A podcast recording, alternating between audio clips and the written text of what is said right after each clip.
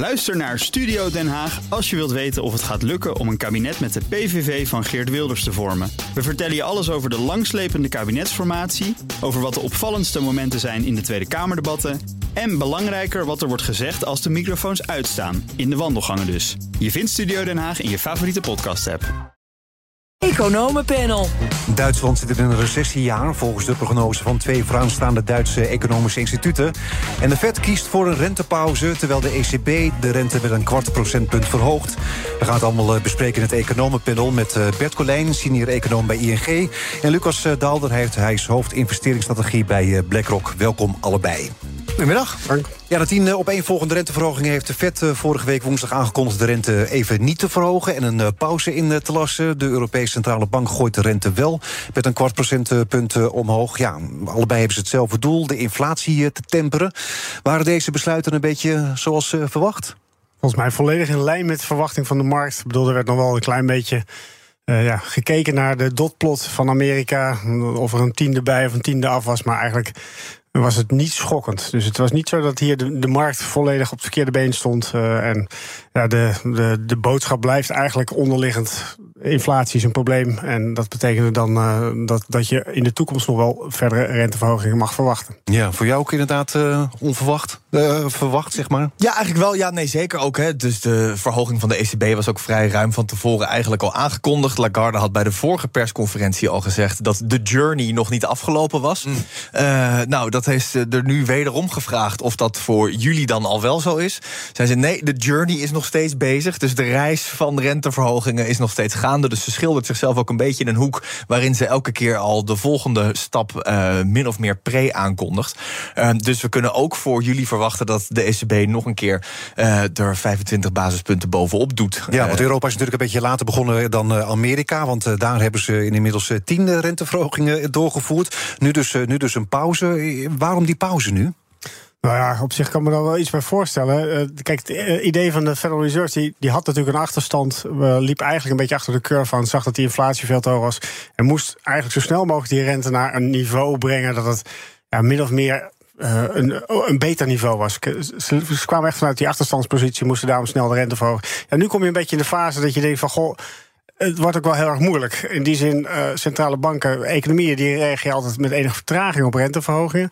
Als je nu te ver doorgaat en te snel doorgaat, heb je het risico dat je de boel echt gewoon in een recessie duwt. Yeah. Als je te traag bent en helemaal niks meer doet, uh, of misschien zelfs al zegt, nou, we zijn klaar. Nou, dan weet je zeker dat de rentecurve alweer naar beneden begint te uh, prijzen. En dan kan het best zijn dat je juist ziet dat inflatie nog een tweede trap omhoog gaat. En dat wil je misschien ook even kijken van wat gaat er nu de komende tijd gebeuren. Ik bedoel, ja. met hoeveel moeten we nog verder omhoog?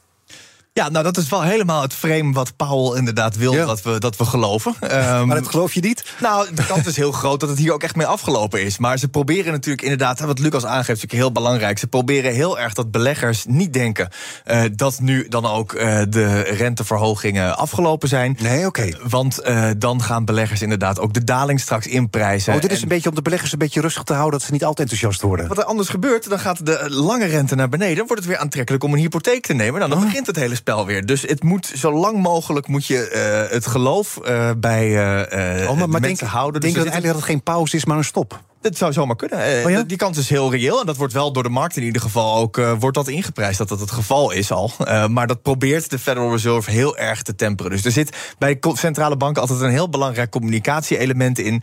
Uh, en Powell, ja, die wil heel graag dat we geloven dat het een pauze is. Of zelfs een skip, zoals het ook genoemd wordt. Hè, van nou, we skippen deze meeting, maar dan gaan we later in het jaar gaan we nog verder. Om in ieder geval die twijfel een beetje te houden dat er misschien nog wel verdere renteverhogingen zullen volgen. Oké, okay, Lucas, denk jij dat ook? Dat het een beetje beleggers voor de gek houden is en dat ze eigenlijk misschien wel stoppen? Nou, het is niet voor de gek houden. Dit is precies ook wat je wil. mede, mede dankzij dat je de markt in een bepaalde richting duwt, krijg je voor elkaar wat je uiteindelijk wil, namelijk het af, afzwakken van die economie. Ja. Als je dat niet doet, ja, dan krijg je te snel inderdaad alweer een, een nieuwe impuls aan die economie. Dus uh, kijk, of er nog een renteverhoging komt of niet, ik vind het over het algemeen nooit zo heel erg boeiend. Ik vind dat dat, dat laatste kwartje, uh, meer of minder, dat is denk ik niet echt een hele grote eieren eten.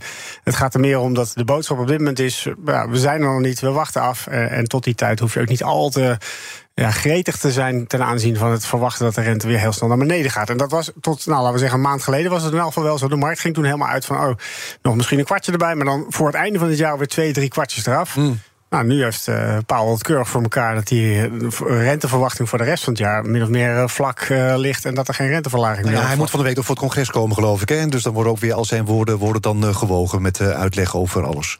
Ja, dat altijd. altijd ja, Dat is bij een centraal bankier altijd zo. Ja. Maar, maar goed, de economieën van Europa en Amerika verschillen natuurlijk wel uh, flink van elkaar. Waarom is die inflatie in Amerika dan nog relatief hoog? Want de verwachting is dat de kerninflatie ook nog de komende tijd gaat stijgen.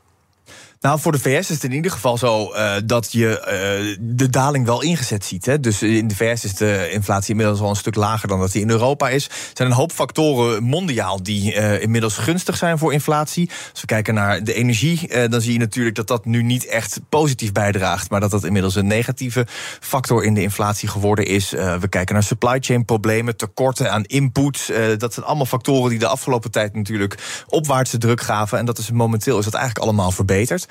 Dus er is wel een hele hoop wat eigenlijk er gunstiger uit begint te zien. Um, ook beginnen de huren in de VS, belangrijk onderdeel van het, uh, uh, van het inflatiemandje, die beginnen te draaien. Dus wat dat betreft is de outlook begint echt wel te verbeteren. Dus vandaar ook dat ze zich kunnen permitteren in de VS om dit nu te zeggen. Uh, bij ons is de inflatie nog een stukje hoger. kerninflatie ook nog een stukje ja. hoger. Begint ook de juiste kant op te draaien als we naar Europa kijken.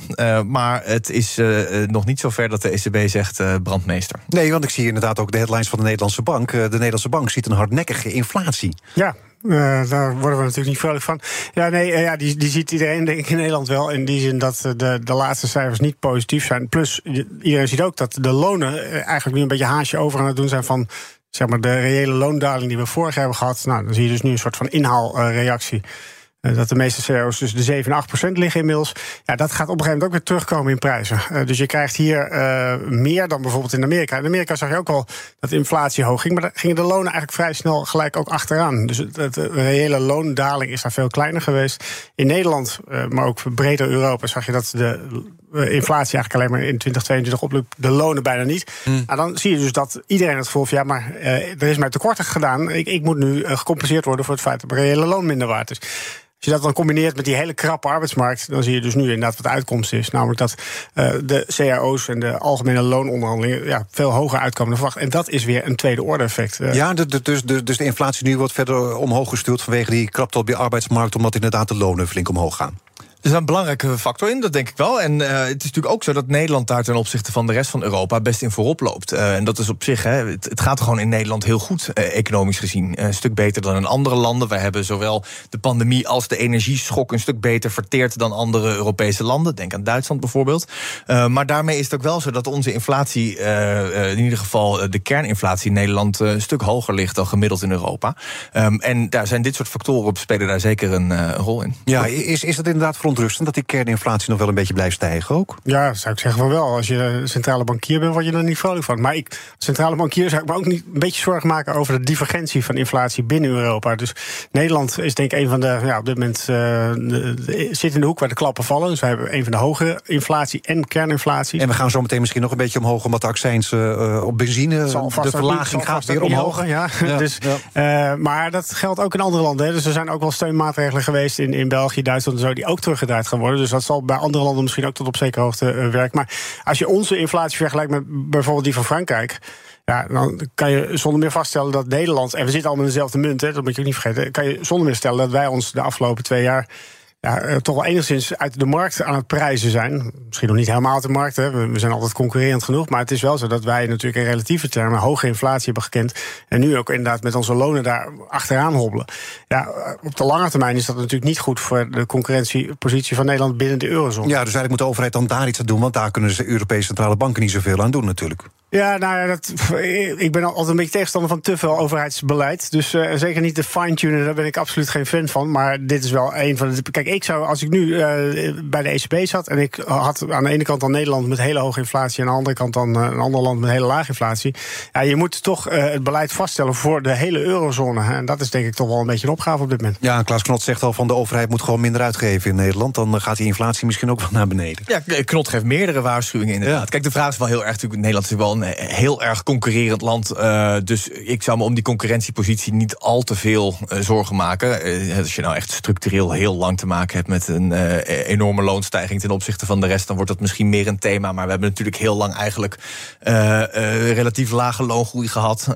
dus wat dat betreft denk ik dat, dat onze concurrentiepositie wel tegen een stootje kan. Ja, maar voorlopig komen er dus nog wel rentestijgingen aan in Europa, denk ik dan? Ja, ja, ja, oh ja, nee, ik zou niet zeggen, de journey is not over yet. Nee, nee maar, maar, maar goed, ik bedoel, hoe gevoelig zijn die economieën ook nog voor die rentestijgingen? Uh, uh, ik bedoel, eh, als je bijvoorbeeld kijkt naar de huizenmarkt, veel mensen hebben hun rente voor 20 jaar uh, vastgezet. we worden steeds meer een dienstensector, je hoef je niet zoveel veel voor te investeren. Dus met hoe, hoe, in hoeverre kan je nog met die rente, kan je dan de economie nog zo beïnvloeden? Nou, dat is denk ik wel echt het grootste risico. Stel, je hebt een economie die over het algemeen minder rentegevoelig is, hè, en daar zijn inderdaad meerdere argumenten voor. Er wordt ook gesproken over labor hoarding bijvoorbeeld, over de, de winstgevendheid bij banken. Er zijn allemaal factoren die ertoe bijdragen dat er ja, wat minder eh, rentepijn eh, ook echt bij de economie terechtkomt. Als dat zo is, dan zit je als centrale bank helemaal met een probleem. Want uh, dan ben je in de fase beland waar je data-dependent bent. Uh, zeg maar, je laat je beleid afhangen van wat het beleid doet. Ja, als die vertraging, die normaal, laten we zeggen, 12 maanden was, nu opeens 18 of misschien zelfs 24 maanden mm. is, dan krijg je de verkeerde signalen en kan je best wel eens een keertje doorschieten met je beleid. Uh, nou ja, die, die kans die is inderdaad, ja. Uh, je moet natuurlijk wel zeggen, hè, ik bedoel, uh, we noemden net al, de, de huizenprijzen kwamen al even voorbij. verwachtingen in het, in het journaal net. Ja, die, die dalen, hè? Ja, precies. Dus je ziet natuurlijk zeker wel dat het, dat het effect heeft. En je ziet ook gewoon dat de leningengroei er sterk aan het afremmen is. Dus ik vraag me af of het echt zo is dat we als economie niet meer rentegevoelig zijn. Um, we zitten nou eenmaal in een rentecyclus die heel snel gelopen is. Hè. Het is nog geen jaar geleden dat de ECB begonnen is met rente verhogen. dat betekent ook gewoon dat het niet irreëel is om te verwachten dat je best nog een flinke impact hiervan gaat krijgen. De ECB zelf zegt dat begin 2024 zij verwachten dat het zwaartepunt van de renteverhogingen op de economie gaat vallen. Is heel erg koffiedik kijk hoor. BNR Nieuwsradio. Zaken doen. Edwin Mooibroek we zitten midden in het economenpanel vandaag met eh, Bert Colijn, senior econoom bij ING... en Lucas Daalder, hoofdinvesteringsstrategie bij eh, BlackRock. Ja, Duitsland eh, die blijft de rest van het jaar in een recessie verkeren. Na verwachting gaat de grootste economie van Europa het jaar uit... met een economische krimp. Dat blijkt uit prognoses van twee vooraanstaande Duitse economische instituten. Geloven jullie dat ook? Nou, die kans is best aanwezig. Duitsland zit heel erg, uh, schommelt erg rond de nullijn... en heeft al twee negatieve kwartalen achter de rug uh, deze, deze winter. Um, ja, het is een economie die natuurlijk uh, heel erg veel, te, veel last heeft van de huidige crisis. de energiecrisis is iets wat in Duitsland met veel energie-intensieve industrie... En ze waren natuurlijk flink afhankelijk ook van Russisch gas ook. precies, dat zijn natuurlijk factoren die daar flinke rol in spelen. dus wat dat betreft, ja, zit Duitsland zit, ja, is een beetje ongunstig gepositioneerd voor uh, de huidige economische omstandigheden. Duitsland is ook een grote exporteur naar China. Nou, China heeft natuurlijk te maken gehad met lockdowns, waardoor ze minder importeerden. En nu een teleurstellende heropening. Allemaal factoren die eigenlijk voor Duitsland momenteel een beetje nadelig spelen. Ja, maar ik las ook inderdaad van de grote economieën doet alleen Rusland het slechter.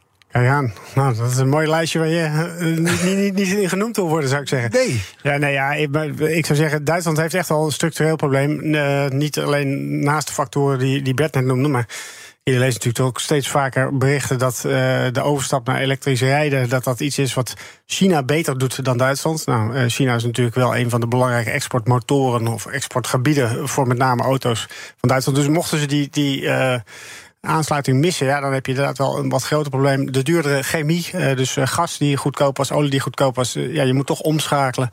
dat zijn allemaal factoren die natuurlijk toch in het nadeel werken van Duitsland. Verder zie je ook dat in Duitsland is vorig jaar echt wel het een en ander uit de kast getrokken om de, de consument te, te compenseren. Ja, tegen nou, ook daar kan je verwachten dat een draai gaat plaatsvinden. Dus ook dat is een rem op die economie. Dus al met al, ja, en elke keer als ik in Duitsland ben, ben ik altijd weer verbaasd over hoe slecht de aansluiting is met zeg maar uh, internet, uh, met uh, oh, ja, ja, websites. Dat, dat, lopen ze flink achterin, digitaal ja, En de term AI, ik weet niet of ze... Of ze het al kennen, bedoel je? Nee, dus ik heb ook niet het gevoel dat ik nou powerhouse... wat, wat echt goed aansluiting vindt bij zeg maar de, de laatste ontwikkelingen in het technologisch gebied. Dus ja, ik, vind, ik vind het moeilijk. Ja, maar het klinkt natuurlijk niet goed hè, over een van de grootste economieën van Europa. Nee, dat is ook zo. En het is natuurlijk ook een beetje een, eh, een draai. En die zorgen die spelen natuurlijk al langer. Want die factoren die Lucas noemt zijn inderdaad structureel. Uh, waarbij je wat twijfels over de Duitse economie kan hebben. Uh, vergrijzing is Duitsland koploper in Europa van. Wat daar ook in, aan bijdraagt. ja, en dat, dat geeft in één keer. Dat zet Duitsland in een wat ander beeld. Want we hebben natuurlijk na de 2008-crisis gezien. dat Duitsland toch eigenlijk voornamelijk de motor van Europa was. qua economische groei. Ze hadden sterke hervormingen achter de rug. vlak voordat die crisis plaatsvond. En je merkt dat ze daar veel profijt van gehad hebben. Ook het feit dat zij veel aan China exporteerden, hielp ze destijds toen China sterk aan het groeien was. Ja, dat zijn nu eigenlijk factoren die een beetje ten nadele van de Duitse economie draaien. Dus structureel is er inderdaad in Duitsland uh, best wel wat om, uh, uh, om je wat, wat meer zorgen om te maken. Ja, maar krijgen wij er ook nog last van? Ik bedoel, vroeger zei iedereen altijd van als Duitsland niets, dan zijn wij verkouden en zo. Ik bedoel, geldt dat nog? Of is dat ik denk, denk het zeker. een tegeltjeswijsheid van uit het jaar nul? Nee, nee, ik denk het zeker. ik denk zeker dat wij niet ongevoelig hiervoor zijn. daar kan je ook nog bij optellen dat onze, een van onze andere belangrijke handelspartners is het VK. Nou, als je Gaat daar, ook niet helemaal lekker, als je daar de data van ziet, dan word je ook niet dat je denkt van jeetje, dat, uh, dat uh, stoomt lekker voort. Uh, dus ook dat is een risico waarvan ik denk van als exportmotor hebben we het zeker niet makkelijk. En dan die huizensector. Kijk, ik heb altijd geleerd dat de huizensector, misschien niet op korte termijn, maar op lange termijn, echt wel een van de belangrijkste ja, redenen voor een outperformance van de Nederlandse economie ten, ten opzichte van de Europese economie is geweest. Of een underperformance. Ja. Nou, als die huizenmarkt inderdaad, uh, als die dip in de huizenmarkt wat langer aanhoudt dan de Nederlandse bank dan nu voorspelt dan heb je ook van die kant echt nog wel iets van uh, ja, tegenwind. Maar goed, die instituten die zien de toekomst uh, wel uh, redelijk rooskleurig in. Hè? Ik bedoel, Duitsland zou dan die overgang van energie wat sneller kunnen maken. De economie zou het allemaal wat makkelijker kunnen absorberen. De, de, minder afhankelijk van Russisch gas. Dus voor de toekomst, denken jullie dat het wel snel weer gaat herstellen? Nou, dan liggen er nog wel een aantal uitdagingen die ze hebben om dat ook daadwerkelijk te faciliteren. Uh, dat is wel belangrijk, denk ik. Misschien nog even over Nederland. Het is wel zo dat we een aantal keer niezen van Duitsland gemist hebben uh, als Nederland de afgelopen tijd. Dus we hebben er een paar overgeslagen. We hebben een paar overgeslagen. Niezen in de richting van Rusland. Dat, ja, precies. Ja, net de andere kant op geniest. Dus dat is gunstig geweest. Ja, nou, er is uh, aan het onderwerp. Er is een grote verdeeldheid tussen de Europese ministers van Financiën over de nieuwe begrotingsregels die de Europese Commissie wil doorvoeren. Eerst maar eens even, om wat voor nieuwe regels regels eh, gaat het dan? Ja, het gaat er eigenlijk om om een aanpassing van de huidige regels. Uh, de huidige regels zijn uh, uh, dat je een begrotingstekort van 3% mag hebben en een, en een, een staatsschuld van 60% van het BBP. Um, ehm, en als je daar niet aan voldoet, aan die 60%, dan moet je elk jaar moet je 1 twintigste van het totaal moet je, naar beneden. En het lastige daaraan is momenteel, daar wordt momenteel eigenlijk voornamelijk naar gekeken. het klinkt alsof het hele grote aanpassingen zijn, maar het is eigenlijk, zitten we een beetje in de marge van het geheel. Ja, want, want als, je, als je grote aanpassingen zou willen doen, dan zou het hele verdrag uh, zou je dan moeten aanpassen. En uh, daarmee willen ze eigenlijk gewoon per land een beetje gaan kijken van hoe kan je dan die achterstand een beetje inlopen. Dat is eigenlijk het, het idee is inderdaad om wat flexibeler om te gaan met die 1 twintigste regel uh, om terug te komen naar de 60% staatsschuld. Ja, en die 1 twintigste betekent dat je 5% jaarlijks moet bezuinigen om dan in de buurt daarvan te komen. Hè? Ja, reductie van de schuld met ja, 20. Ja. ja. precies. Ja, nee, dus inderdaad, nu wordt het een beetje goochelen met cijfers. Maar dat is het ook een beetje altijd als het om dit soort dingen gaat. Ja, klopt. Het is een beetje eh, ingewikkeld. De, de, praktijk is dat bij de huidige regels is het eigenlijk voor landen uh, als uh, zeker Griekenland en Italië, maar zelfs ook al België, is het eigenlijk heel erg lastig in de praktijk om hier aan te voldoen. Omdat je zo'n enorme bezuiniging moet doorvoeren. Eh, volgens mij is het zelfs in België al eh, gaat het om ongeveer een procentpunt van het BBP. Eh, nou, dat is een enorme bezuinigingsoperatie die je daarmee door zou moeten voeren. Die ook direct je economie bijna met zekerheid in recessie zou storten. Dat zijn lastige uh, dingen om te doen. Zeker met wat we weten uit de periode van bezuinigingen ten tijde van de eurocrisis. Hebben we natuurlijk eigenlijk gezien dat dat ook niet per se de meest succesvolle manier is om daadwerkelijk je staatsschuld structureel naar beneden te brengen. Dus eigenlijk is het logisch dat ze dat een beetje willen loslaten. Nou, logisch. Ja, ik, ik heb hier altijd heel veel moeite mee. De, de regels, de vaste regels, zoals die in elk geval in het verdrag van Maastricht staan, zijn die 3% norm en die 6% norm. Ik denk dat het al helemaal misgaat op het moment dat we die 3% norm ja, vrij structureel uh, genegeerd hebben. En dan heb ik het niet zozeer niet eens over Italië. Italië heeft zich altijd voor keurig aan de, aan de regels gehouden trouwens. Maar dan heb ik het over een land als Frankrijk, wat gewoon uh, van nou, de start uh, van de eurozone tot ah, aan. Dat is Frankrijk, werd er altijd gezegd in Europa. Maar, ja, maar, volgens mij is dat echt wel de kern van het probleem van de eurozone. De divergentie die je ziet in staatsschuld. En dan met name de kern van, van Europa. Kijk, wat, wat er in Griekenland gebeurt dat kunnen we in principe, eh, als het moet, kunnen we dat gewoon opvangen, overleven we wel. Op het moment dat je ziet dat Duitsland en Frankrijk echt consequent divergeren, en dat hebben ze de afgelopen nou, 15 jaar grote schaal gedaan. Ja, dan kom je op een gegeven moment echt wel op een situatie waarvan je denkt: ja, maar dit is niet meer houdbaar. Dus in, in 2007 hadden Frankrijk en Duitsland een vergelijkbaar niveau van staatsschuld. Dat is nu opgelopen tot 60% voor eh, Duitsland, hè, eh, ongeveer de norm. Nou, plus of eh, min 1%. laat- laat- en dan eh, Frankrijk iets van 100%. De 100% dus, dus dat is 40% punt is er in eh, nou, een jaar of 15 eh, verschil gemaakt. Ja, dat, dat, dat maar baart mij echt zorgen. Jawel, maar goed, maar waarom zou je dan nu praten over een andere systematiek als die oude systematiek toch niet Nee, gehandhaafd? Ik, zeggen- bedoel, dan, dan, dan, dan kan je toch beter de oude regels toch ook houden als het toch geen consequenties had? Nou ja, goed, kijk, ik zou zeggen, eh, waar het Ja, fout nee, ik bedoel, nu willen ze juist soepeler omgaan met, met het terugbrengen van de achterstand. Maar in het verleden had het ook bijna geen consequenties, toch? Eh, dat de consequenties er niet echt zijn geweest, dat is inderdaad absoluut zo. Ja. Ja. ja, de vraag is of als je regels had die niet werkten, of je die dan maar in stand moet houden. Eh, dat eh, weet ik ook niet. Je zou zeggen, Nee, het ja. is de moeite waard om te streven naar iets wat wel werkt. Ja, oké. Eh, en wat dat dan is, dat is inderdaad waar dan nu heel erg over gestreden wordt. En je hoort dus dat Duitsland vooral met een, een groep van tien landen hebben zich achter Duitsland geschaard. Eh, die zeggen van nou, we moeten het moet bij de oude zijn. regels houden. En Ja. ja, en ja, ja Maar wij dan weer niet als Nederland, hè? terwijl wij vroeger altijd toch bij de vrekkige landen horen, toch? Dijsselbloem had een bepaalde naam in Europa, Hoekstra had een bepaalde naam. En nu ineens zijn we heel flexibel. Nou, het is meer volgens mij het politieke spel wat Kaag eh, hoopt te gaan spelen als een soort onderhandelaar in, tussen, tussen de partijen gaan staan. Of het eh, standpunt echt wezenlijk veranderd is, dat moeten we natuurlijk maar afwachten. Ehm, eh, hoe dan ook, als je puur kijkt naar het tekort of de schuld van Nederland, die staat nu op 50%. Dus eh, wij hebben wat dat betreft nog voldoende buffer om eh, de weg eh, of de klappen die misschien nog komen gaan op te vangen. Oké. Dank jullie wel. Bert Colijn, senior econoom bij ING... en Lucas Daalder, hoofd investeringsstrategie bij eh, BlackRock.